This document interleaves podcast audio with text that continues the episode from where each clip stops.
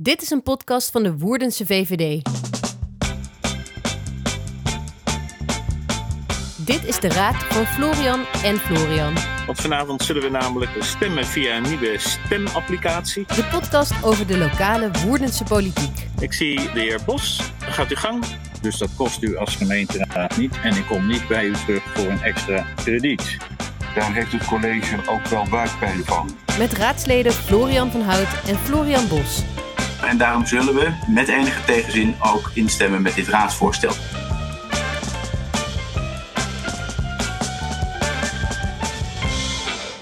Welkom bij weer een nieuwe aflevering van de Raad van Florian en Florian. De derde alweer, de podcast over wat er gebeurt voor en achter de schermen van de Woerdense politiek. Welkom Florian. Ik heb er zin in, eh, Florian. Mooi dat het enthousiasme er nog steeds uh, aanwezig is. 100%, 100%. En deze podcast wordt een ontzettend drukke podcast. Het wordt een leuke podcast. Zeker, we hebben veel onderwerpen uit eh, de raadsvergadering van afgelopen donderdag. Uh, een nieuwe rubriek, de raadsvraag. Uh, en ook geven we natuurlijk weer iemand uit de Woerdense politiek goede raad. Zeker weten. Benieuwd uh, wie je deze week uh, een goede raad gaat geven. Absoluut. Maar eerst gaan we naar wat ons opviel uh, in het nieuws. We hadden natuurlijk de coronaversoepelingen. Per aanstaande woensdag, 28 april, ja, mogen de terrassen en winkels weer open. Eindelijk komen ze eraan. Eindelijk kunnen we weer het terras op. Nog niet met iedereen, maar toch. Ja, een biertje op het is denk ik een heel mooi eerste begin. Maar ik, had nog wel een andere vraag aan je eigenlijk. Ben jij het wel eens niet eens met Mark Rutte? Zeker, zeker. Je kan het zeker niet altijd eens zijn met alles wat Mark Rutte zegt. Ja, ik, ik had hier wel een heel bijzonder voorbeeld. Want tijdens die persconferentie zei hij dat ja, we voor zes uur geen bitterballen mochten eten. Wat? Ja. Is die wel van de VVD? Dat vroeg ik me ook even af. En dat zei iedereen op Twitter, uh, uh, uh, zei dat daar ook. Van nou, de lijsttrekker van de VVD, die, die zegt dat we geen bitterballen eten. Die doet toch de hele dag door. Ja, dat is het enige. De bruine fruit wordt constant geconsumeerd. Precies, ja. Nou goed, op een terras zitten zonder, zonder bier en bitterballen. Dat, nou, dan, dan, dan, moeten we ons lidmaatschap opzeggen, denk ik. ik wou net, we worden gerooieerd als we dat doen. Ja, selectiecriterium bij, als, je, als je lid wil worden van de VVD. Het, staat, het staat wel op ons cv, ja. Ja, ja. Nou, het mooie nieuws is dus, de terrassen mogen open van 12 uh, tot 6. Uh, ja, en daar, daarvoor dus geen bitterballen als het aan, aan markt ligt. Maar dat gaan we gewoon lekker doen. En ook alle winkels mogen weer open zonder dat je een afspraak hoeft te maken. Ja, en dat is wel erg prettig hoor. Ik merkte dat vandaag. Ik was aan het klussen in huis en dan heb je toch nog even een onderdeel nodig. En dan, nou, toen was het Um, voor, nog voor 12 en we snel bellen. En dat was een heel gedoe om toch nog ja. op tijd te regelen, zodat je één klein onderdeeltje kan halen. En dat ah, ontzettend gedoe. Nee, echt heel fijn. Maar wat voor klus heb je gedaan in huis? Ik heb een kraan gerepareerd. Ik heb een nieuwe kraan uh, in mijn keuken geïnstalleerd. Kijk, dus hij, hij lekt nu niet meer? Hij lekt nu niet meer. Nee, geen lekkende kraan meer. Nou, mooi. ja, en natuurlijk hopen dat alle, alle ondernemers uh, in onze gemeente ook weer de ruimte krijgen van het college per aanstaande woensdag. Om zoveel mogelijk van die uh, ja, versoepelingen gebruik te maken. Ik denk dat we er allemaal ja, wel verantwoordelijk mee om moeten gaan. Hè. Dat zeiden ook heel veel politici in de Tweede Kamer gaan we niet met z'n allen gelijk uh, uh, nou, de maatregelen niet meer in acht nemen, zodat we wat we nu verdiend hebben weer kwijtraken. Maar uh, ik denk dat iedereen blij is dat dit nu weer kan. Ik denk dat mensen zich er best wel goed aan gaan houden. We zijn inmiddels zo gewend aan die anderhalve meter afstand. We zijn zo gewend om onze handen stuk te wassen. We zijn zo gewend om rekening te houden met elkaar. Veel meer dan dat we dat twee jaar geleden deden. Want ja, toen had je niet op die manier rekening met elkaar te houden. Dus nee, ik... precies. Ja, je ziet, je ziet, natuurlijk wel dat heel veel ja, bij mensen die, de manier waarop ze zich aan de maatregelen houden verslapte.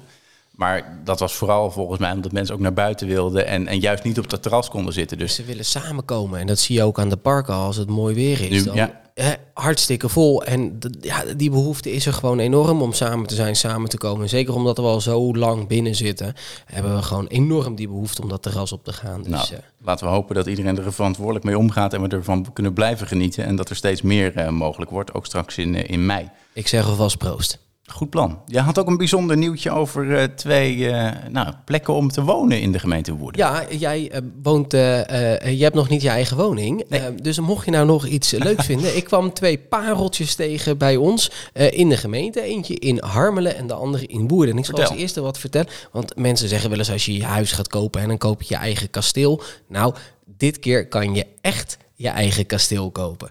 Voor een luttele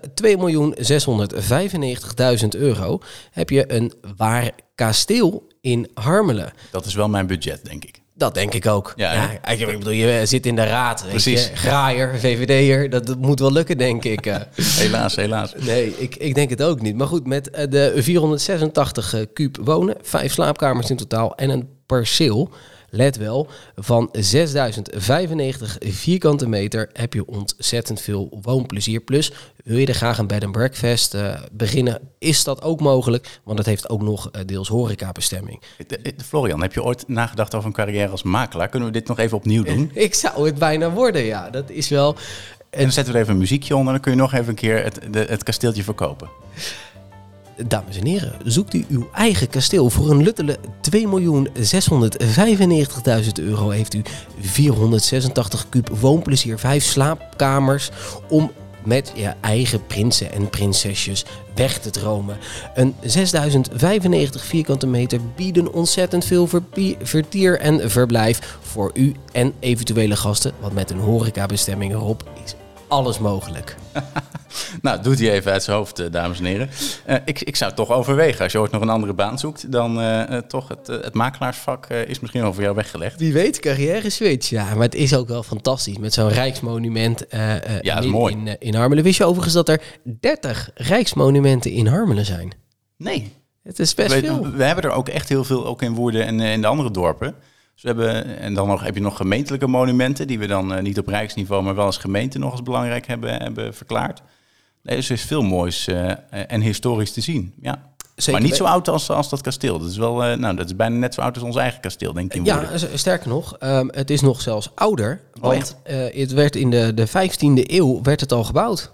Ja, toen stond is- het er al. In de 14e eeuw is de allereerste grondvesten gelegd. En in de 15e eeuw is het een keer verwoest. In de 16e eeuw nog een keertje. eh, toen door de Fransen. Ehm, en uiteindelijk zijn op... Nou ja, eigenlijk zijn het meer de gewelven die over zijn gebleven. Is in 1950 daar een huis bovenop gezet. En dat is het huis waar je nu daadwerkelijk kan wonen.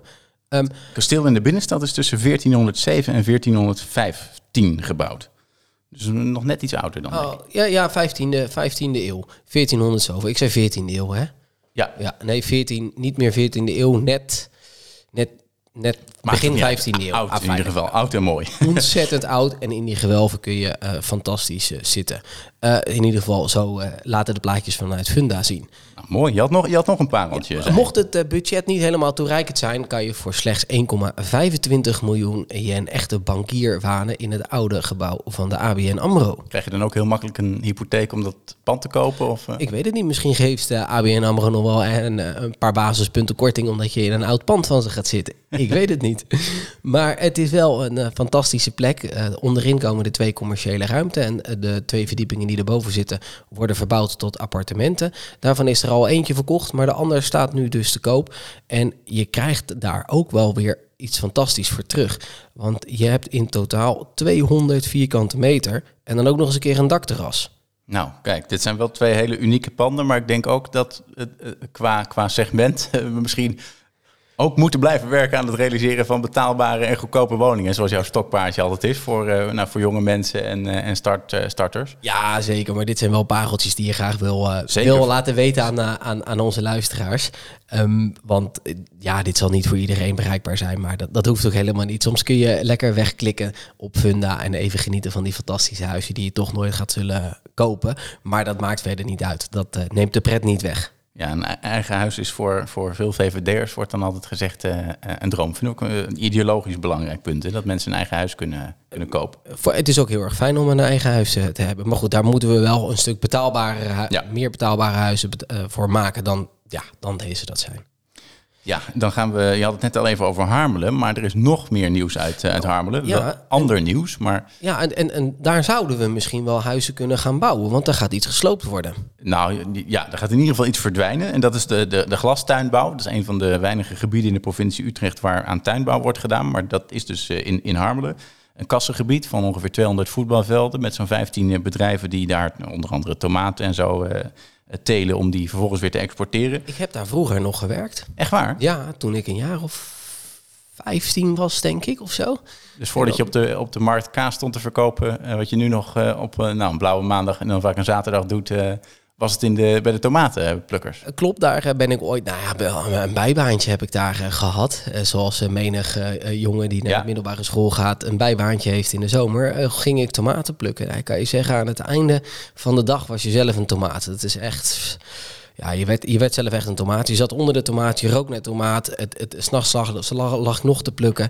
Het was eh, eh, ook maar één zomer en daarna ben ik eh, boeken gaan... gaan herstellen, schoolboeken bij Karsen. Maar dat Oh, terzijde. d- Dus daarom ben je uiteindelijk geen lid geworden van de SP, maar ben je naar de VVD gegaan. Uiteindelijk wel, ja, ja, ja, ja. Hoewel ik denk dat Karsen meer van de, van de ChristenUnie of van de SGP was. Die had een, een, goed christelijke inslag. Ja, ik bedoelde meer je afkeer van tomaten. Ah, dat is... ja, inderdaad, ja. ja. Maar goed, ja, de glastuinbouw in Harmelen, ja, die gaat dus verdwijnen, want ze kunnen niet verduurzamen. Ze gebruiken natuurlijk ja, in die kassen veel warmte en CO2 hebben ze nodig. Eh, maar ja, we moeten met z'n allen van de gemeente Woerden en ook uiteindelijk van de Rijksoverheid van het gas af. Eh, en ze hebben daar geen alternatieven. Aardwarmte kan bijvoorbeeld hier niet. En restwarmte, ja, we hebben geen, eh, de, de industrie zit, eh, zit te ver weg om daar gebruik van te maken. Ja, datacenters worden heel vaak naast kassen Ja, neergezet. al die serverkasten die Ja, flink warmte. warmte in en dat vinden die planten weer goed. Die groeien daar eh, behoorlijk op. Ja, maar ze kunnen dus hier, ja, ze moeten van het gas af, maar ze hebben vervolgens geen alternatief. En de, ja, er waren ook veel bedrijven, las ik, die wilden uitbreiden en waar eigenlijk ook geen plek voor was. Dus dat betekent dat ze gaan eh, verdwijnen uit eh, de Harmelerwaard en dan ergens anders naartoe gaan, waarschijnlijk Noord-Holland. Maar ja, je zei het al, dan komt er eh, natuurlijk wel een gebied vrij. Wat gaat daar gebeuren? Weten we dat al? Nee, we hebben geen idee. We gaan het vragen. In ieder geval, de gemeente heeft een persbericht gestuurd en die gaat rondvragen eh, aan Ja, mensen. het gesprek aan, met de samenleving aan. ja, aan, aan ondernemers, aan iedereen eh, die er maar over eh, wil praten. Wat gaan we hier als volgende ontwikkeling doen? Het CDA heeft al een idee aangedragen. Die Ja. hebben gezegd, bouw een bos. ja, Dat is jouw afdeling. Spreekt mij wel aan. Ja. Spreekt mij wel aan. Nee, ja, er zijn allerlei eh, mogelijkheden natuurlijk. Ik zat zelf te denken, van ja, een bos kost natuurlijk verschrikkelijk veel geld, want je offert wel wat meters op. Ik dacht, misschien eh, eh, kunnen we nog een paar van die mooie huizen erbij zetten. Een, een klein, een klein villa-park zetten. En dan bouw je voor de Oh, helft villa's en de andere helft heb je een bos. En dan heb je opeens wel een stuk betaalbaarder. Want als wij met z'n allen dat bos moeten betalen, dat zal nog wel best wel duur zijn. Eh, Dacht ik zo, maar goed. Dus je, wil- je wilt bos eh, cofinancieren met, eh, met een paar villa's. Ja, met een paar villa's, ja. En als je dus de helft bos doet en de helft villa's, dan heb je die bossen, eh, die sluiten aan op de tuinen. Hebben mensen een bos, zorgen we dat het in ieder geval groen blijft, dat we niet vastgroeien aan Utrecht. En hebben we het ook nog eens een keer eh, betaalbaar gemaakt. Want als we met z'n allen eh, in de gemeente dat hele stuk grond moeten gaan kopen en daar alleen maar bomen gaan neerzetten, dan zal het denk ik, eh, nou ja, nog wel een paar procent extra op de OZB worden. Ja, nou, wethouder De Weger, die, die eh, over wonen gaat, die zei ook... Je kunt nu gaan dromen hè, wat, er, wat je er eigenlijk eh, idealiter zou willen, willen neerzetten. Misschien ook wel een woonwijk met, met meer nou, goedkopere huizen die we, die we daar neer zouden kunnen zetten. Ja, het ging er vooral over, hè, het idee van het CDA om te voorkomen... dat Utrecht eigenlijk tegen Harmelen aangroeit. Daarom hoorde ik wel meer mensen over dat er echt wel een groene... Nou ja, er is zelfs een belangenvereniging in de Harmelen, de Ja. groene buffer. Dat er een groene buffer komt te staan. Dus we gaan het horen. En ik gok dat de groene buffer zelf vast ook wel een visie zal kenbaar maken. Dat denk ik ook. Dus nu eerst dat participatietraject, zoals dat dan zo mooi heet, vanuit de gemeente. En daarna komt er nog een verkenningsstudie. Eh, nou, die zijn allemaal op elkaar aangesloten. En uiteindelijk moet daar dan iets gaan uitrollen over wat daar, als al die bedrijven weg zijn, over, eh, eh, nou, ik denk dat het wel tientallen jaren zal zijn, twintig, eh, zoiets. Dat, dat, zei, dat zei de gemeente in ieder geval. Ehm, nou, dat we daar dan eh, iets, eh, iets nieuws kunnen gaan, eh, gaan krijgen. Ja, ik ben heel benieuwd wat nu de eerste aanzet gaat zijn. Maar het goed wat je zegt, het gaat heel lang duren voordat we er zo over zijn. Wat nog wel een opvallend iets is, is dat daar was een ontwikkeling. Namelijk er zou een brug gebouwd gaan worden, zodat er een betere ontsluiting zou Ja, zijn. de ontsluiting van Harmelerwaard. En het gekke is, is dat dat is nu ook weer in één keer van de baan. Dat heeft een poos geduurd voordat het er was. En nu gaat het er eindelijk komen. Die bestemmingsplannen die waren nou ja, in, in aantocht. De aanzetten waren ertoe gedaan. En dan gaat dat nu weer van de baan. Ja, op Nou, een laag pitje heeft eh, het college het gezet. Zijn dus. ik vond het een saillant detail. Ja, en dan hadden we, eh, als we over ontwikkelingen praten, dan hadden we ook nog een ander eh, belangrijk project, iets dichter in, in Woerden, in het Brediuspark. Ja, daar staat een Brediusboerderij. Volledig uitgebrand. Eh, we hebben dat in 2015 eh, als gemeente gekocht. Dat, eh, toen was het al een poosje uitgebrand. Eigenlijk stonden alleen de buitenmuren er nog maar. Ja, heeft iedereen wel gezien, denk ik, Ja, een keer. ja, iedereen zal er langs zijn gefietst. Het was echt een verschrikkelijke aanblik, want het was ooit zo mooi. Ja, en daarna zag het er niet meer Ben uit. daar ook nog geweest in de, in de Bredis boerderij met school eh, Ja. toen je kleiner was? Ja, ja, ja, de Ja, natuur- en milieu-educatie Ja, precies. is daar. eh, en dan, dan had je, nou, je kon kikkerdril vissen. Ik weet dat nog heel erg goed. Dat was in die sloten. En dan kon je zeg maar daar de kikkervisjes zien zwemmen. Vond ik natuurlijk fantastisch. Ja, dat, dat was ook een van de redenen hè, dat de gemeenteraad toen in 2015 zei... we moeten dit eigenlijk wel doen. Het is zo'n belangrijk stukje Boerdense geschiedenis... en voor, voor veel mensen ook van betekenis... dat we dat eigenlijk niet zo erbij kunnen laten staan eh, in die vorm. Nee, het ging menig woerdenaar en daarmee ook eh, de gemeenteraad eh, zo aan het hart dat ze hebben gezegd: wij kopen deze schuur. Ehm, eh, want het is ja, van oorsprong een schuur, de Bredius schuur. Ja, Ehm, en daar ging een, een projectgroep mee aan de slag om ervoor te zorgen dat de financiering rondkwam. Want wij hebben het dan wel gekocht, maar dan heb je alleen nog maar het, het afgebrande pand. Dan is er nog helemaal niets. Ehm, nou, die stichting die heeft zich heel hard ingezet. Die heeft fondsen gevonden, sponsoren gevonden. eh, die eh, is aan de slag gegaan en nu de bouw eindelijk gaat beginnen. Uiteraard vallen er dingen tegen. Eh, blijkt er het een en ander in de kozijnen weer nog slechter te zijn dan gedacht. Ik dacht, nou ja, goed. Volgens mij, als het tien jaar lang buiten in de regen staat, kan het niet anders dan dat die kozijnen echt volstrekt eraan zijn. ja Maar je hebt waarschijnlijk verschillende gradaties van slecht eraan toe. Ik, eh, ik heb geen idee, maar ik, ik dacht dat kan niet als een verrassing komen. Maar goed, het gaat wel weer 20.000 euro extra kosten. En daar zoeken ze nog wat eh, sponsoren voor. Mocht je je geroepen voelen en eh, hier een kleine duit in het zakje willen doen, dan zal de stichting dat zeker kunnen waarderen. Ja, en we hadden op datzelfde, op steenworp afstand daarvan weer iets dat is uitgebrand. Eh, dat, was, dat is heel vers nieuws. We nemen deze podcast op op zaterdagavond. En vanochtend, in de vroege ochtend van zaterdag, is de schapenschuur van Kukeleboe, de, de kinderboerderij eh, op landgoed Bredius, die is ook afgebrand. En Sterker nog, die was in aanbouw. Die was er nog niet eens. Nee, sinds, dit jaar, eh, begin dit jaar, was die klaar. Eh, dus hij stond er maar net. Ja. Ja, hij stond er net. En hij, nou ja, ik denk dat er nog eigenlijk niemand naar binnen is geweest Ja, wegens de, corona. De, de schapen stonden er. Ja, maar niet. Ik bedoel, het was natuurlijk ook wel semi toegankelijk voor mensen, maar ik denk dat er nog niemand daadwerkelijk binnen is geweest wegens corona. Ja, nee, dat, dat klopt. En de, de- dus de vrijwilligers daar waren ook echt enorm boos en, en, en verdrietig dat, dat dit nu ja, waarschijnlijk is aangestoken. Dat is waar de politie nu eh, van uitgaat. Het is ongelooflijk. Ja, en wel weer heel mooi dat die vrijwilligers vervolgens gelijk vandaag aan de slag zijn gegaan om een tijdelijk onderkomen voor die schapen eh, te bouwen. Dus die staan in ieder geval nu weer, eh, nu weer veilig. Maar de burgemeester had ik op Twitter gezegd, zag ik van ja, wat een enorm laffe daad. En als je nou, dit, dit doet, dan moet je ook de ballen hebben om je bij de politie te melden. Dus Ja, je snapt het niet. Nee, heel vreemd. Maar goed. Ja, dat was veel, veel nieuws. Ehm, iets anders wat nieuw was, eh, was eh, eh, het digitale stemmen tijdens de raadsvergadering van afgelopen Wat donderdag. een verademing. Normaal gesproken gaan we stemmen over een voorstel, over een raadsvoorstel, over een motie, over een amendement. Het maakt niet uit, maar dan worden we één voor één, voor één, voor één opgeroepen door de griffier. Ja, dan moet je zeggen voor of tegen. En normaal gesproken doen we dat natuurlijk als we fysiek vergaderen, allemaal gewoon met hand opsteken.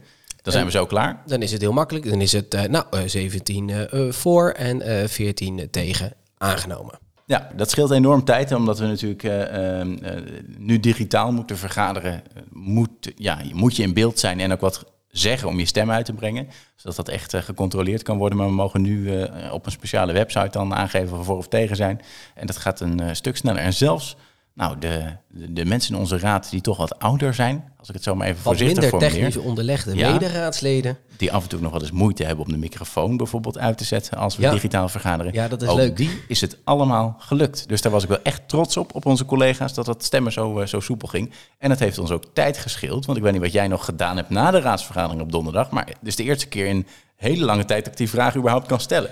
Dat we voor half twaalf klaar waren. En gewoon echt de vergadering hadden afgerond. En het, het scheelde denk ik een half uur. Ja, nou, dat, dat- laten we dat er in ieder geval in proberen te houden.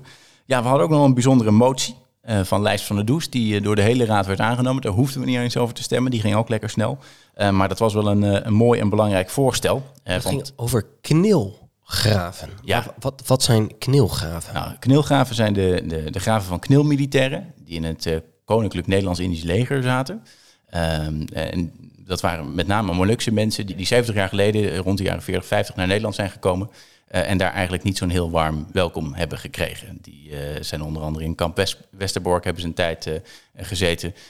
en die zijn vervolgens in allerlei gemeentes in Nederland komen wonen. Maar ja, daar eigenlijk niet heel enorm goed verwelkomd en opgevangen door de, door de Nederlandse bevolking. In Woerden is dat wel goed gegaan, omdat ze niet uh, apart zijn gaan wonen, maar zijn enorm goed uh, uh, eigenlijk onderdeel geworden van, van onze samenleving. Maar dat doet er niks aan af dat ze eigenlijk niet zo net behandeld zijn door, door de Nederlandse bevolking.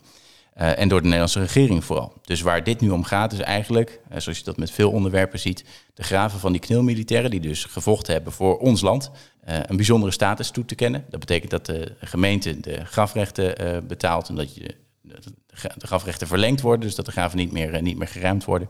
En dat de gemeente het onderhoud daarvan van op zich neemt. Ja, want dat zijn er niet zo heel veel, want volgens mij zijn er 60 mensen van, die, van Molukse komaf die in, in Woerdense graven Ja, er zijn 60 Molukse graven en nog minder daarvan zijn dan van knielmilitairen. Ja. Precies, want niet iedereen is natuurlijk militair geweest. Nee, nee kijk, je hoeft hier niet, wat mij betreft niet eens, naar de, niet eens heel erg naar de kosten te kijken. Dat is natuurlijk wel belangrijk, hè, maar dat, dit, dit. Nee, ook maar om even aan te geven om hoeveel mensen zou het nou daadwerkelijk, uh, uh, dat het nu daadwerkelijk gaat. En, en, en, dat zijn er niet heel veel, maar het is wel mooi dat we voor die groep mensen wel even deze eer uh, postmortem ja. ja. geven. Het is, het is een postuum eerbetoon.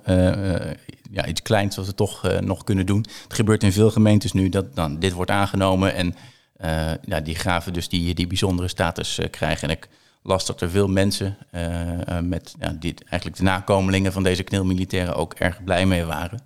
en dat is natuurlijk heel fijn om te zien en verdiend, denk ik ook, voor deze mensen. Het is een mooie erkenning.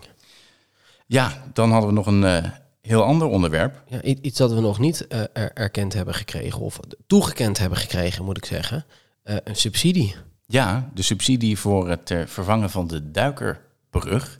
Daar hebben we hem weer. Ja, daar is hij weer. En dat hebben we in deze podcast nog helemaal niet besproken. Uh, daar gaan we nog een andere aflevering misschien uh, aan wijden. Maar om even op te frissen. We hadden in uh, november vorig jaar de werkzaamheden op de Oostdam. Daar lag een duiker. Dat is de onderdoorgang van het water van de Singel van de ene naar de andere kant. Die was ingestort. Nou, dan kan het water er niet meer onder doorstromen. Maar op een gegeven moment kwam er ook verzakkingsgevaar. Dus die moest vervangen worden. Maar dat werd aangekondigd als zijnde, we gaan een brug aanleggen zodat het water doorvaarbaar wordt. En dat is leuk, want dan kan je met je boot, met je sloep, uh, een heel rondje om de singel. Nou, daar ging de raad uh, over uh, met elkaar in debat. Ja, dan verwoord je het heel um, politiek. Uh, nou, kijk, wat daar gebeurde, het ging inderdaad, zo werd het door, iedereen neergezet bij de gemeente. Als we gaan een uh, rondje single mogelijk maken met je boot. Nou, dat was dan in tijd dat de OZB omhoog zou gaan. We zaten midden in de, de bezuinigingsoperatie. Ja, en het duurde, de hele werkzaamheden zouden twee jaar lang gaan duren. Dus de communicatie in dat hele dossier was nou, bijzonder slecht uh, te noemen. Daar gaan we het later nog wel een keer uh, over hebben. Maar waar het eigenlijk om ging, hè, de, dat die duikerbrug, dat is dan een, een, een, duiker die hoog genoeg is, dat je er met je boot onderdoor kan varen. De die stond al heel lang op de verlanglijst van de gemeente. Dus ze dachten, nou, als we nu toch de werkzaamheden gaan doen aan de Oostdam en we gaan die duiker vervangen, ja, laten we dan gelijk maar die duikerbrug ook inzetten. Dat kostte wel twee ton extra. En daar heeft de gemeenteraad toen van gezegd, omdat de lasten voor inwoners en ondernemers al werden verhoogd en dat er op andere uh, thema's bezuinigd uh, zou worden. Nou, dat doen we dan niet. Dat is een extraatje. Toen heeft de raad, en daar was een amendement op, dat is uiteindelijk niet aangenomen. Maar goed, de raad zei wel, college probeer daar nou subsidie voor te krijgen. Uh, bij de provincie Utrecht, het fonds Erfgoed Parels.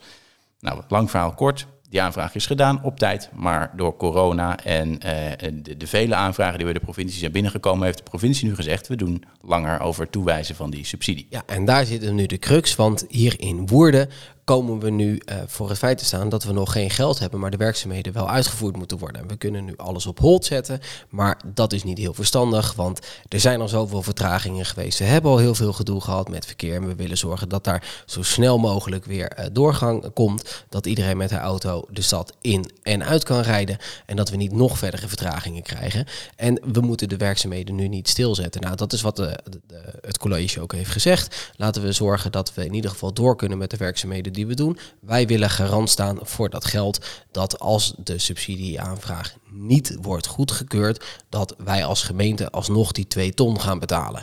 Nou ja, daar hebben we nu weer een, nou, een vrij korte discussie dit keer uh, over gehad. Um, want ja, dat geld stond al gereserveerd in de begroting. Dus we hadden het al wel gelabeld voor als we het nou niet zouden krijgen, dan hadden we het in ieder geval zelf al in de begroting staan. Zodat we er niet speciaal voor hoeven te gaan bezuinigen. Ja. Maar goed, ehm, alsnog is het niet zo netjes dat je zegt, hé, hey, we krijgen een subsidie, maar uiteindelijk gaat het nu misschien toch niet door. Ofwel? Nou, dat weten we nog niet. Er is goede kans op zich, als we de wethouder moeten geloven, dat we hem alsnog krijgen. Maar je zei net al, het staat inderdaad in de begroting. In het najaar vorig jaar hebben we gewoon gezegd, nou, oké tegen dat bedrag. Alleen, dat was opvallend afgelopen donderdag. Uh, er werd terugverwezen naar een uitspraak van de toenmalige wethouder Financiën, Bolderdijk. Uh, die gezegd had uh, tijdens een interpellatiedebat over nou, de hele werkzaamheden en de onvrede die er was over de Oostdam. Ja, we krijgen dat geld. Het gaat u als gemeenteraad geen extra geld kosten. Dat heeft hij zo gezegd. De Duikerbrug.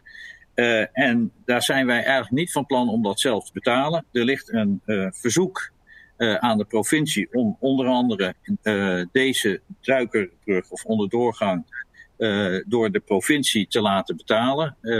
En we hebben toen ook gezegd, als we dat geld niet krijgen, dan zullen we alleen maar een gewone duiker moeten maken. Maar we zijn zeer hoopvol en we hebben een zeer reële kans dat we dat geld ook krijgen. Dus dat kost u als gemeenteraad niet. En ik kom niet bij u terug voor een extra krediet. Nou, en donderdag kwamen daar dus heel veel fracties op terug. Die zeiden, ja, maar de wethouder heeft toen gezegd, het gaat ons geen geld kosten. Dus we hebben wel ja gezegd tegen dat budget. Maar eigenlijk met nou, de, de, de, de, de bijna 100% zekerheid dat we het niet nodig zouden hebben. Nu blijkt dat dus wel zo. Anders dan krijgen we inderdaad die vertraging. Zitten ondernemers nog langer eh, met een slecht bereikbare binnenstad. Kunnen eh, inwoners eh, nog langer omrijden. Dus dat willen we ook gewoon niet. Daarom heeft de gemeenteraad eigenlijk unaniem eh, donderdag ook ingestemd met nou, het toch gebruiken van dat geld nu. Maar wel met behoorlijk wat, uh, wat tegenzin. Met de rug tegen de muur hebben we ja gezegd. Ja, nou, er was nog één ding wat dan wel goed nieuws was, waar de wethouder ook nog mee kwam.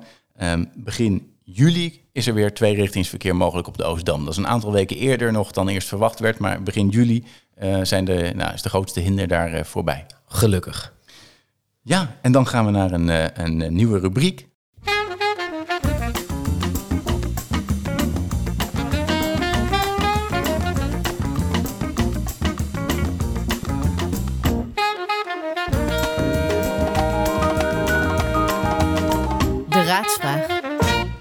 Ja, en in deze nieuwe rubriek beantwoorden we vragen van luisteraars van onze podcast over de lokale politiek. Hoe werkt het in de gemeenteraad? Uh, waarom worden bepaalde besluiten genomen? Zoals uh, het besluit over de Duikenbrug waar we het net over hadden. En hoe kan je als inwoner je verhaal vertellen aan de gemeenteraad? Enzovoort, enzovoort, enzovoort.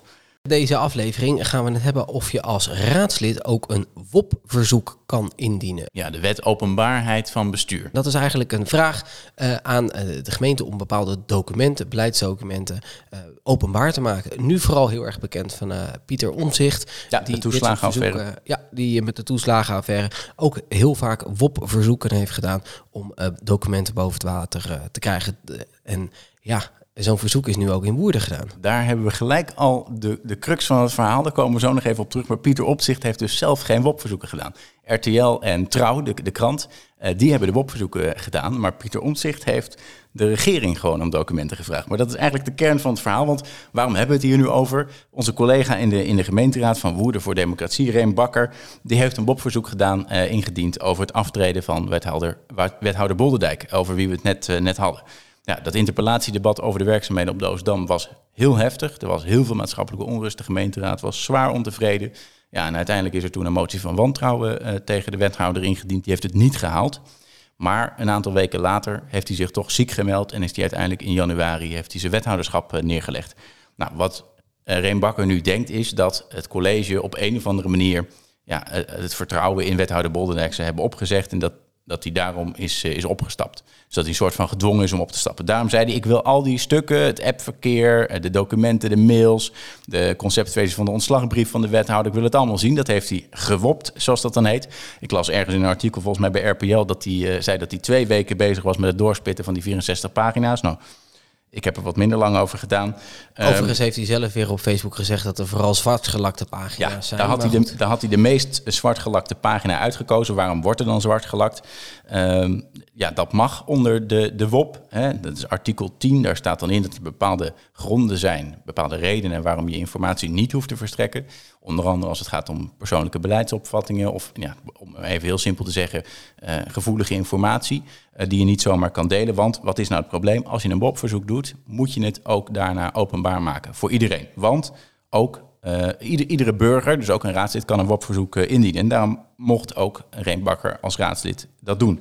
Maar slim is het niet, omdat de gemeente dus mag weigeren om bepaalde informatie te geven. Dat staat gewoon in artikel 10 van de, van de WOP.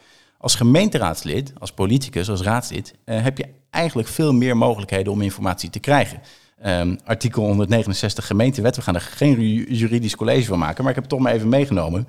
Daar staat namelijk dat het college de raad alle inlichtingen geeft die zij voor de uitoefening van zijn taak nodig heeft. Zij geven, dat zijn dus de, de burgemeester en wethouders, de raad mondeling of schriftelijk door één of meer leden gevraagde inlichtingen, tenzij het verstrekken ervan in strijd is met het openbaar belang. Dus dat is veel beperkter. Ja, iets is, iets is niet snel in strijd met het openbaar belang. En zeker niet als je het vertrouwelijk zou doen. Dus Reem had al die zwartgelakte pagina's misschien gewoon met de inhoud kunnen krijgen.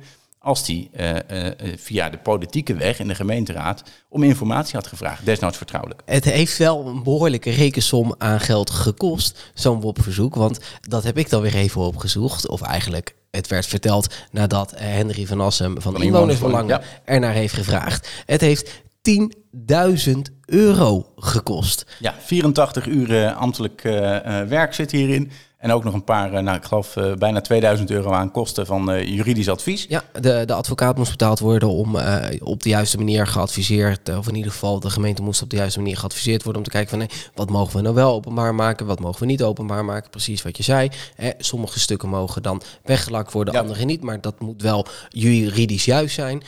nou ja, en daar is een best behoorlijke rekening uitgekomen. Ja goed, juristen zijn er eenmaal niet goedkoop. Um, zo, zo werkt dat nou eenmaal. Um, en al met al zijn we 10.000 euro verder. En, zoals Raymond zei, vooral veel zwartgelakte pagina's verder. Ja, dus het WOP-verzoek was, om het zo maar even voorzichtig te concluderen, niet echt zinvol. Uh, zeker niet als je iets zoekt wat er misschien helemaal niet is. Uh, want daar gaat het ook nog een keer over. Hè. Reem denkt dan dat, nou, dat ontslag op een of andere manier bewerkstelligd is. Uh, maar ja, dat is het voordeel van zwartgelakte pagina's. Dan kun je ook zeggen, dan kun je invullen wat er zou staan, omdat je niet weet wat er daadwerkelijk staat. En ja, hij probeert zich hiermee een beetje te neer, neer te zetten als degene die jij net al noemde in de, in de inleiding, Pieter Omtzigt. Maar ja, ik denk dat die vergelijking, om heel eerlijk te zijn, toch een beetje mank gaat. Want Pieter Omtzigt stelt echt een probleem aan de kaak en doet dat ook nog eens een keer langs de politieke weg. Um, dus laat dat dan uh, de, de les zijn. Uh, dat je alleen uh, nou, gaat wobben als je denkt dat het echt, echt nodig is. Wat als raadslid dus nooit handig is. En misschien alleen als je denkt, nou, er is daadwerkelijk iets aan de hand. En ik vraag me af of Bolderdijk hier zelf überhaupt wel op zit te wachten. Dat denk ik ook niet. Ja, daar gaan we het vast in een andere podcast nog een keer over hebben. Maar belangrijker is. Als jij een, vraag hebt, ja. Eh, ja. als jij een vraag hebt voor de lokale politiek of over hoe de gemeenteraad werkt, waarom er nou bepaalde besluiten zijn genomen, stuur hem dan in via de raad apenstaartje en dan gaan wij hem in een volgende podcast voor jou behandelen. Um, dus stuur hem in. Overigens kun je ook wel ons op uh, andere kanalen bereiken. Je kan ons ook een appje sturen. Allemaal geen enkel probleem. Er staat uh, genoeg contactinformatie op onze website. Zeker 06 42 45 1791. Je weet gewoon ons fractienummer uit Die weet je ik dan wel weer uit mijn hoofd. Ja, en, nou, jij, jij, kwam zo natuurlijk met dat oproepje. Dan denk ik, dan ook tijd om even het, het, nummer aan toevoegen. Ja, ik had hem niet uit mijn hoofd geweten, echt niet. ja, ik moet dat steeds overtypen. Dus ja, dan uh, naar het uh, vervolg van de raadsvergadering. Dit is de eerste keer in de podcast dat we zo uitgebreid eigenlijk praten over wat we in de raadsvergadering al hebben besproken. Maar het is een, een podcast die gaat over de lokale Woerdense politiek. Dus Zeker, ja. Hier houden we ons mee bezig. Dus daar moeten we het ook in deze podcast uh, over hebben. En dan gaan we naar een van jouw favoriete onderwerpen het cultuurmanifest. Ja, het cultuur aan zich is zeker een van mijn favoriete onderwerpen. Het cultuurmanifest zelf misschien iets, uh, iets minder. Um, Hoezo? Ja, ja, het is natuurlijk een... Uh, Leg eerst even uit wat het is. Want dan, ja, nou, een cultuurmanifest is eigenlijk een, uh, een pamflet dat zegt dat we als Woerden um, de meest creatieve stad willen zijn. Ik ga het eventjes opzoeken, want ik heb ze opgeschreven hoe het nu gaat heten.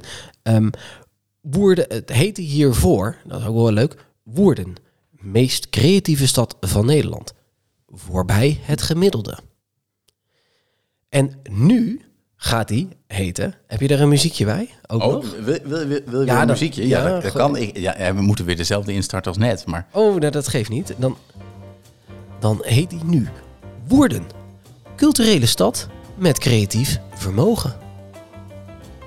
Nou, dat is wel een korte titel voor een langer muziekje. Ja, ja, dat was een beetje een te lang muziekje. Maar, maar nee, ja, het heeft, het heeft natuurlijk een, een vrij brede ehm, het, titel. En ook zo is het manifest opgesteld. Het, Ja. eh, het, het roept op om met elkaar cultuur te maken. eh, geeft aan dat er daar ruimte moet zijn eh, voor eh, kleine lokale mensen die dat doen. Ehm, iedereen die eigenlijk wat wil doen. Het moet inclusief zijn. Het moet eh, wat met de geschiedenis eh, kan het te maken hebben. Eh, nou ja, eh, eigenlijk is het een beetje een wollig document eh, dat zegt: hé, hey, laten we wat leuks doen met eh, cultuur. Maar goed, Het laat ruimte voor creativiteit. Dat het werkt laat- ja, zeker. Ja, nou, ja, op zich past het natuurlijk heel erg bij ons als VVD'ers. Ik bedoel, wij zijn niet voor eh, heel veel regels. Nou, dit, dit zijn allemaal uitgangspunten die heel veel ruimte laten voor mensen om zelf in te vullen. Ja, zeker weten. Er is eh, genoeg eh, vrijheid om zelf een creatieve invulling aan te geven. Maar het is eigenlijk een document waarin de, de visie van de gemeente en van iedereen die zich in woorden met cultuur bezighoudt, hè, de, de cultuurpartners, eh, op ja, wat wij belangrijk vinden. Om heel eerlijk te zijn, vind ik het niet zozeer een visie, is het meer een uitgangspunt eh, documenten die zeggen we met elkaar moeten we het doen en met elkaar moeten we het maken. Nou, dat is natuurlijk wel een goed uitgangspunt. Ehm, het zijn overigens eh, de C5 die dat in woorden eh, voornamelijk doen. Dat zijn, weet jij, de C5 uit je hoofd? Dat is een moeilijke vraag. Ik heb ze hier staan namelijk. Nou, dat, dat is wel een, het- een hele. Het is niet mijn portefeuillebos. Beschamend dit. Cuvo is er één. Het Klooster is er één. Eh, het CPW-cultuurplatform Woerden is er één. Eh, ja, ik denk toch niet dat ik nu zo verder kom. Het Stadsmuseum en de bibliotheek. Oh ja, dat zijn twee logische. Die had ik op zich Ja. moeten weten, want het zijn de plekken waar ik, waar ik van die vijf het meeste kom. Nou, moet je nagaan. Maar goed, eh, eh, eh, die samen, dat zijn de, de C5, de culturele vijf. Maar daaromheen zijn er natuurlijk verschrikkelijk veel, veel kleinere initiatieven. Een, een nachtcultuur, dat, nou goed, dat, dat was er één, dat bestaat nu niet meer. Waar het om gaat is dat in het manifest zelf stond eigenlijk, of eigenlijk in het raadsvoorstel, niet zozeer in het manifest, maar in het raadsvoorstel stond dat die andere partijen zijlings betrokken zouden moeten worden. En eh, nou ja, daar struikelden we eigenlijk als complete raad over, omdat we het juist vonden dat al dat soort kleine groepen maken juist de cultuur in Woerden zo leuk. Die zorgen voor, voor, dat, voor die bruisende sfeer, voor het organiseren van leuke evenementen. Denk, straattheaterfestival. Het gaat natuurlijk helaas dit jaar weer niet door, maar eh, een, een Woerdense vakantieweek, al dat soort initiatieven, die maken echt Woerden tot, eh, tot Woerden. Ehm, en die moet je eigenlijk op de eerste positie zetten. Dus daar hebben we een, eh, motie voor aangenomen. Breed cultuur in woorden. En die is ook unaniem aangenomen. Dus dat is hartstikke mooi. En daarnaast waren er nog twee amendementen. Ja, je had het net al even over eh, iets te maken hebben met geschiedenis. Toen eh, zat ik hier al gelijk op het puntje van mijn stoel van een gevoelig puntje.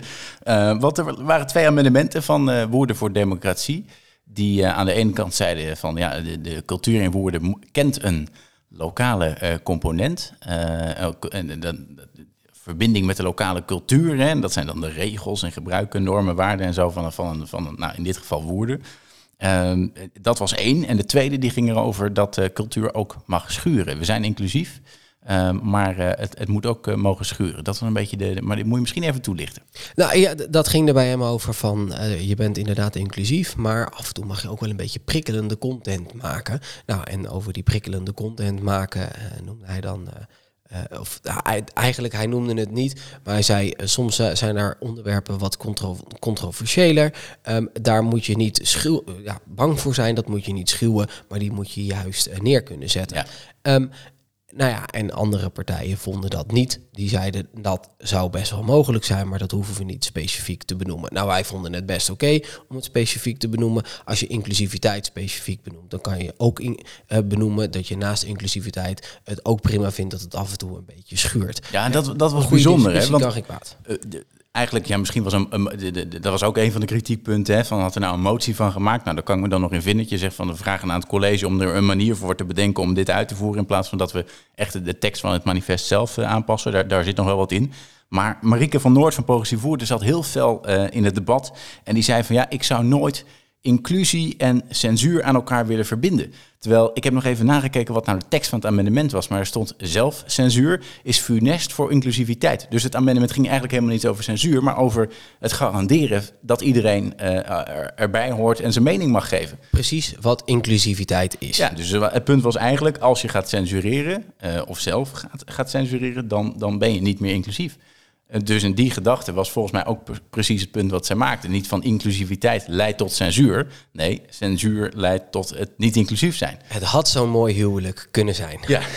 Maar goed. Tussen Reem en Marieke bedoel je? of- Ja, ja, ja, ja, ja. Politiek niveau, hè, dat wel. ja, ja, ja, ja. Maar goed, nee, eh, helaas, eh, dat eh, amendement heeft het niet gehaald. Overigens, alle tweede amendementen hebben het niet gehaald. Maar de motie over breedcultuur, een belangrijke motie dus, die heeft het wel gehaald. Ja, die andere twee punten zaten ook min of meer al wel in de tekst van het eh, manifest. Hè. Dus, eh, nou, dat... eh, eh, maar, en dat was niet tijdens de raadsvergadering, maar tijdens de politieke avond waarop we dit onderwerp hebben behandel- eh, behandeld. Ja. Daar ging het eigenlijk helemaal niet over dat manifest, maar het ging over een heel ander onderwerp. Ja, wat ook wel te maken heeft met cultuur. Namelijk over mijn oude school, het eh Minkema-gebouw. Dat er al sinds begin eh 20e eeuw eh, staat. Eh, waar nu nog nou, het gigantische deel wat er ooit aan heeft gezeten helemaal weg is. Maar alleen het oude monumentale deel nog van staat. Het Minkema-gebouw naast het station. Want daar moet iets in gaan komen. En heel veel mensen hebben daar ideeën over. Ja, Mark van Leeuwen die kwam inspreken en die zei eh, vanuit, eh, daar, daar moet een culthub gaan komen. Hij, eh, ze hebben zichzelf, nou, er is een consortium opgericht, of nou eigenlijk een, zijn het een aantal mensen die willen dat er een consortium gaat ontstaan Ja. van allerlei culturele ondernemers, culturele instellingen, culturele mensen die samen een cultuurhub gaan maken in woorden, de culthub. En dat moet dan in het oude Minkema-gebouw gaan komen, want dat is een centraal gelegen plek. Die plek die zou ook ruimte kunnen bieden aan een, een black box, een, poppodium, zodat het dicht bij het station is, zodat ook vanaf eh, andere plekken jeugd naar Woerden toe kan komen, in plaats van dat de jeugd uit Woerden gaat naar nou ja, Gouda of Utrecht of welke stad dan ook. Ehm, en daar heeft hij een eh, vurig pleidooi voor gehouden. Ja, iemand die daar gelijk tegenin ging in de krant was eh, Jaap van der Does ja, van, dat, eh, dat van wou, ik Lijst van net, der Does. Ja, dat wou ik net zeggen. Niet iedereen, bij niet iedereen viel dat idee in hele goede aarde. Het was vooral een, een, een clash tussen de generaties, viel mij op. Want, nou ja, ehm, hoe oud is Jaap van der Does? Nou, die is toch... Nou, hij is net 80 geworden. Hij is net 80 geworden. ja. Precies, precies. En dit werd een, een clash tussen de generaties. Want, ehm, nou ja, goed, Mark van Leeuw is in ieder geval een stuk jonger dan dat. Ehm, en eh, nou die had dus een initiatief van... hey, laten we dit voor de jeugd van Woerden eh, gaan ontwikkelen. Ja. Niet alleen voor de jeugd van Woerden, maar ook voor eh, culturele doeleinden. En eh, de wat oudere garde heeft gepleit in deze raad... om er oudere huisvesting te maken. En nu is daar zeker een behoefte aan. Er is ook echt een tekort aan eh, woningen voor ouderen. Ehm, alleen deze locatie staat nu dus best wel eh, ter discussie... omdat het een gewilde locatie is. Ja, en, die andere hoofdstroming hè, van de, ide- de ideeën over wat er dan in het Minkema-pand moet komen, is dus ouderenhuisvesting. En wat dan heet het oude huis. Dat is een concept eh, wat eh, in andere gemeenten ook al eh, is neergezet, maar wat ook al vrij lang bij ons als gemeenteraad probeert om hier in Woerden voet aan de grond te krijgen. Het college wilde daar nog niet echt in mee, maar daar gaat het eigenlijk nu dus tussen. Hè? Tussen cultuur, cultuurhub aan de ene kant eh, en eh, dan het oudenhuis aan de andere het oude kant. huis aan de andere kant. De ja. clash of the generations. Ja, en, en Jaap zei natuurlijk in, in de krant gelijk van ja, de, de omwonenden van het Minkema-pand, die, die hebben ook een tijd heel, heel veel overlast gehad van de discotheek, volgens mij heette die One, die toen naast de bowlingbaan eh, eh, zat. Eh, Daarvoor heb je Triple X, dat heb jij nooit Nee, meegemaakt. toen, maar toen ben stond ik nog niet in de... Nee, nee ja, ik, ik, op, de, ik heb daar nog wel een keertje mogen staan in de Triple X. En toen was ik net, net 16. En meteen daarna ging die ook weer weg. Maar ik heb daar nog wel eh, de glorie Zat, zat daar een verband tussen dat jij bent Nee, geweest dat ze dachten, nee, we doen nee, het er nu. Geen zins, geen zins. Nee, daar eh, was de Triple X en dat was nog wel een populaire discotheek. En daarna is de Club One erin gekomen. Ja. Ehm, en nog wel een aantal andere concepten die erin zijn geweest. Maar het, eh, het mislukte allemaal. En eh, nou ja, dat heeft de, de omgeving best wel een slechte naam bezorgd. Want daar waren ook best wel vaak problemen. Er waren ook wel vechtpartijen en dat soort dingen. Alleen... ehm, eh, nou ja, Jaap die heeft dat in de krant laten voorkomen alsof het enige dat daar gebeurde is dat daar eh, eh, eh, mensen voor overlast eh, aan het zorgen waren, dat de drugs werden gedeeld en dat het ook de hele wijk doorging en dat dat het enige was dat er gebeurde. Nou, Ja, de- maar eh, ook al, ook al, nou dat gebeurde denk ik wel, maar dat is volgens mij niet de bedoeling van die nieuwe cultuurhub die in het Minkema-gebouw zou moeten nee, komen. geen zin. En dan geen, krijgt geen ook club. Nee, een totaal andere invulling. En er komt dan wel een, een poppodium. In ieder geval, die visie hebben ze wel dat er een, een poppodium in komt. Ja, maar het is veel meer iets als Babylon of... eh, Ja, of een, eh, of een K77, dat je daar eh, optredens hebt. Ehm, zo- zoals dat nu in, op allerlei festivals ook gebeurt. En dat het heeft natuurlijk een heel ander iets. En er kan best wel een dancefeest af en toe ook ge- gegeven worden. Dat zal ongetwijfeld mogelijkheid voor zijn. Maar dat is iets heel anders dan een club zoals dat daar nou was tijdens Club One. Ja, maar de definitieve keuze die gaan we nog niet maken. Hè. Dat heeft ook iets te maken met de visie zoals dat dan heet, op het stationsgebied. Ik zag dat die eh, binnen was, volgens mij. Ja, de visie op stationsgebied is eh, binnen. Er zijn nog wel wat meer discutabele punten in, of in ieder geval punten die discussie zullen opleveren. Ehm, daar gaan we het in een andere podcast wel over hebben. Maar goed. dat gaat over het gebied rondom het station. Hoe moet dat in de toekomst uit gaan zien? En dit is dus echt een belangrijk onderdeel van, de, van die visie. Um, in de visie van het college daarin wordt het oudenhuis er niet in bestemd. Dus uh, geen oudere huisvesting, maar een, uh, ja, een, een, bestemming voor bijvoorbeeld een hotel of voor uh, cultuur of voor horeca. Um, nou, we gaan het er nog over hebben. Uh, wat het uiteindelijk zal gaan uh, worden. Maar uh, we houden jullie luisteraars in ieder geval op de hoogte over de clash tussen de generaties. het komt terug in een, een, volgende aflevering. Misschien kunnen we Jaap dan wel uitnodigen om zijn toelichting te geven. Ja, het lijkt me hartstikke goed. Hoor en wederhoor. We hadden nog iets ander ander belangrijk onderwerp, wat ook een relatie heeft met waar we het de vorige aflevering over hebben gehad. Toen hebben we nou, uitgebreid gesproken over IBOR, het Integraal Beheer Openbare Ruimte. Voor wie het uh, een gevleugelde begrip alweer vergeten was. Daar was het verhaal eigenlijk, we hebben geld tekort uh, om alles in Woerden in de openbare ruimte te kunnen onderhouden. We doen alleen dingen die uit veiligheidsoverwegingen echt nodig zijn. Maar dat levert dus wel heel veel ontevredenheid op bij inwoners die zeggen: Ik wil eigenlijk nu al dat mijn wijk wordt aangepakt. En het is ook wel hard nodig. Ja, en het, sterker nog, zeker als jouw wijk al een aantal keer op de lijst heeft gestaan om een opknapbeurt te krijgen. Dingen zijn beloofd dat, uh, dat er uh, restauratie gedaan zou worden. En jaar op jaar word je weer wat verder achter op het lijstje geschoven. Dan zakt de moedje in de schoenen. Ja, en dan spreek je de raad aan en dan heeft de raad eigenlijk geen idee waarom dat zo is. Daar hebben we een enorme discussie over. Um, maar er is wel een heel klein lichtpuntje, want aan het einde van de discussie over deze motie heeft de wethouder wel gezegd dat de nutsbedrijven eerder gaan beginnen. Die gaan in 2022 de straat openbreken om nieuwe leidingen uh, aan te leggen en, uh, en andere nutsvoorzieningen op, uh, opnieuw aan te leggen. Zodat de gemeente er in 2023 mee aan de slag kan. Zodat het dan ook zo snel mogelijk is afgerond en die wijk eindelijk is opgepakt. En dat is dus niet eerder, dat is nu niet direct. Maar ja, anders kostte het 1,8 miljoen euro. Wat we nog eens een keer extra zouden moeten uitgeven. Ja, dat, dat geld, dat hebben we niet. Nee, want we, we, zitten nu over te praten. We moeten volgens mij nog helemaal niet gezegd over welke wijk het gaat. Het, de, de, de Koren en Watermolen, het zijn twee straten in Harmelen, in de molenbuurt. Uh, ja, en die staan dus al heel lang op de planning, werd steeds uitgesteld, wel beloofd dat het dan zou worden opgepakt. Dat gebeurde niet. Um, daarom kwamen progressief voerden en inwonersbelangen met een motie om nou, die reconstructie nu naar voren te halen en hem wel gewoon nu te doen. Maar de wethouder zei daar inderdaad van, ja, als we dat gaan doen, dat was jouw vraag, van is er dan een ander project wat we nu niet kunnen uitvoeren? Is er een andere wijk die je teleurstelt, om het zo maar even te zeggen? En toen gaf hij eigenlijk aan, ja, het komt dan niet uit het budget dat we er nu al voor hebben, maar dat zou dan nog een keer, als je nu het nu al wil doen, uh, dat, dat geld is er gewoon niet. Dus dan zou je dat extra uh, uit je spaarpot uh, moeten halen. Ja, ik, ik was zo in mijn, in, mijn eigen. Uh, nou, ik, ik ben zo met dat verhaal bezig. En, en voor mij is het dagelijks dat ik even vergeten was de context te scheppen. Dus heel goed dat je dat wel gedaan hebt. Maar inderdaad, de wethouder heeft aangegeven: jullie kunnen dit best nu laten uitvoeren. Trek het naar voren toe, geef me 1,8 miljoen euro. En we gaan direct aan de slag. Alleen ja, dat geld, dat, dat hebben we niet. Nee, dat, dat, we hebben nu al geld tekort op IMOR en op heel veel andere onderwerpen ook. De belastingen zijn al omhoog. Dus ja, ik ben, denk dat we allemaal met, die inwoners eens zijn dat het ongelooflijk vervelend is. Uh, en we zijn ook bezig als gemeenteraad nu toch met het college in gesprek te gaan over hoe kan het nou dat we zoveel dingen uitstellen. En alleen dingen kunnen doen die ja, vanuit veiligheidsoverwegingen nodig zijn. Want als een, als één punt is dat belangrijk is voor ons als VVD, is wel dat de openbare ruimte er netjes uitziet.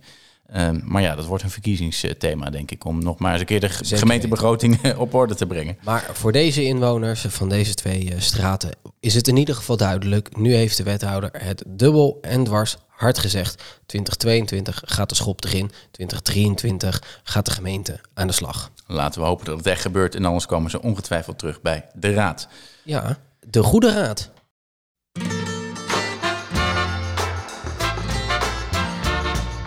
De Goede Raad.